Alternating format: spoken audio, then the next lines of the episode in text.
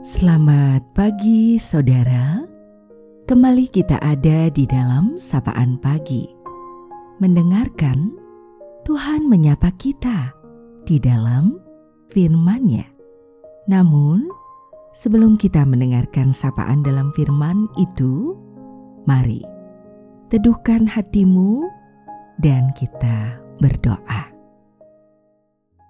Terima kasih ya Tuhan hari baru telah kau berikan. Mengawalinya, kami belajar berserah padamu, mendengar, merasakan, memahami, untuk belajar melakukan kehendakmu di dalam kehidupan. Amin. Saudaraku, sapaan dalam firman-Nya pada saat ini kita terima melalui Kitab Mazmur pasal 115 di ayat 14. Kiranya Tuhan memberi pertambahan kepada kamu, kepada kamu, dan kepada anak-anakmu. Kita akan refleksikan dalam tema Tuhan memberi pertambahan. Awalilah hari ini dengan doa Langkahkan kaki dengan penuh percaya. Buang segala keraguan dan segala ketakutan yang menghambat perjalanan. Ingatlah janji firman-Nya. Tuhan memberi pertambahan kepada kamu, kepada kamu, dan kepada anak-anakmu.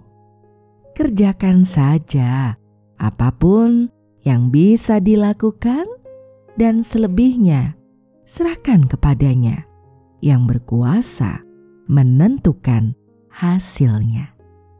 Percayalah, tak ada usaha yang sia-sia. Jika waktunya telah tiba, kita akan menuai hasilnya. Selamat menjalani hari-hari yang Tuhan beri dengan semangat pengharapan, penuh cinta dan kasih, dan syukurilah kehidupan yang Ia anugerahkan.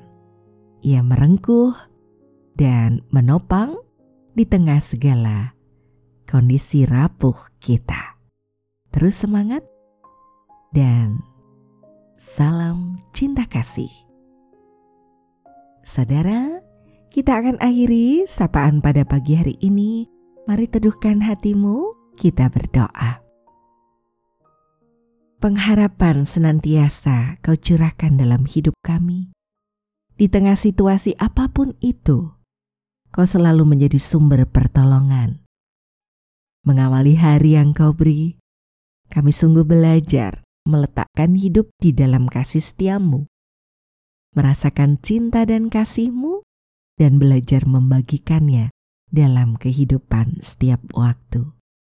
Betapa terbatas dan rapuhnya diri ini, tapi Engkau yang penuh cinta dan kasih itu menjadi sumber pertolongan, kekuatan bagi kami. Inilah doa kami Tuhan Yesus, kami berserah padamu. Di dalam Engkau, kami naikkan doa ini. Terima kasih ya Tuhan. Amin. Saudaraku, demikianlah sapaan pada pagi hari ini. Terus dengarkan Tuhan menyapa kita di dalam firman-Nya. Saudara bersama saya, Esti Widya Stuti, Pendeta Jemaat Gereja Kristen Jawa Pakem, ada di lereng Gunung Merapi. Tuhan memberkati.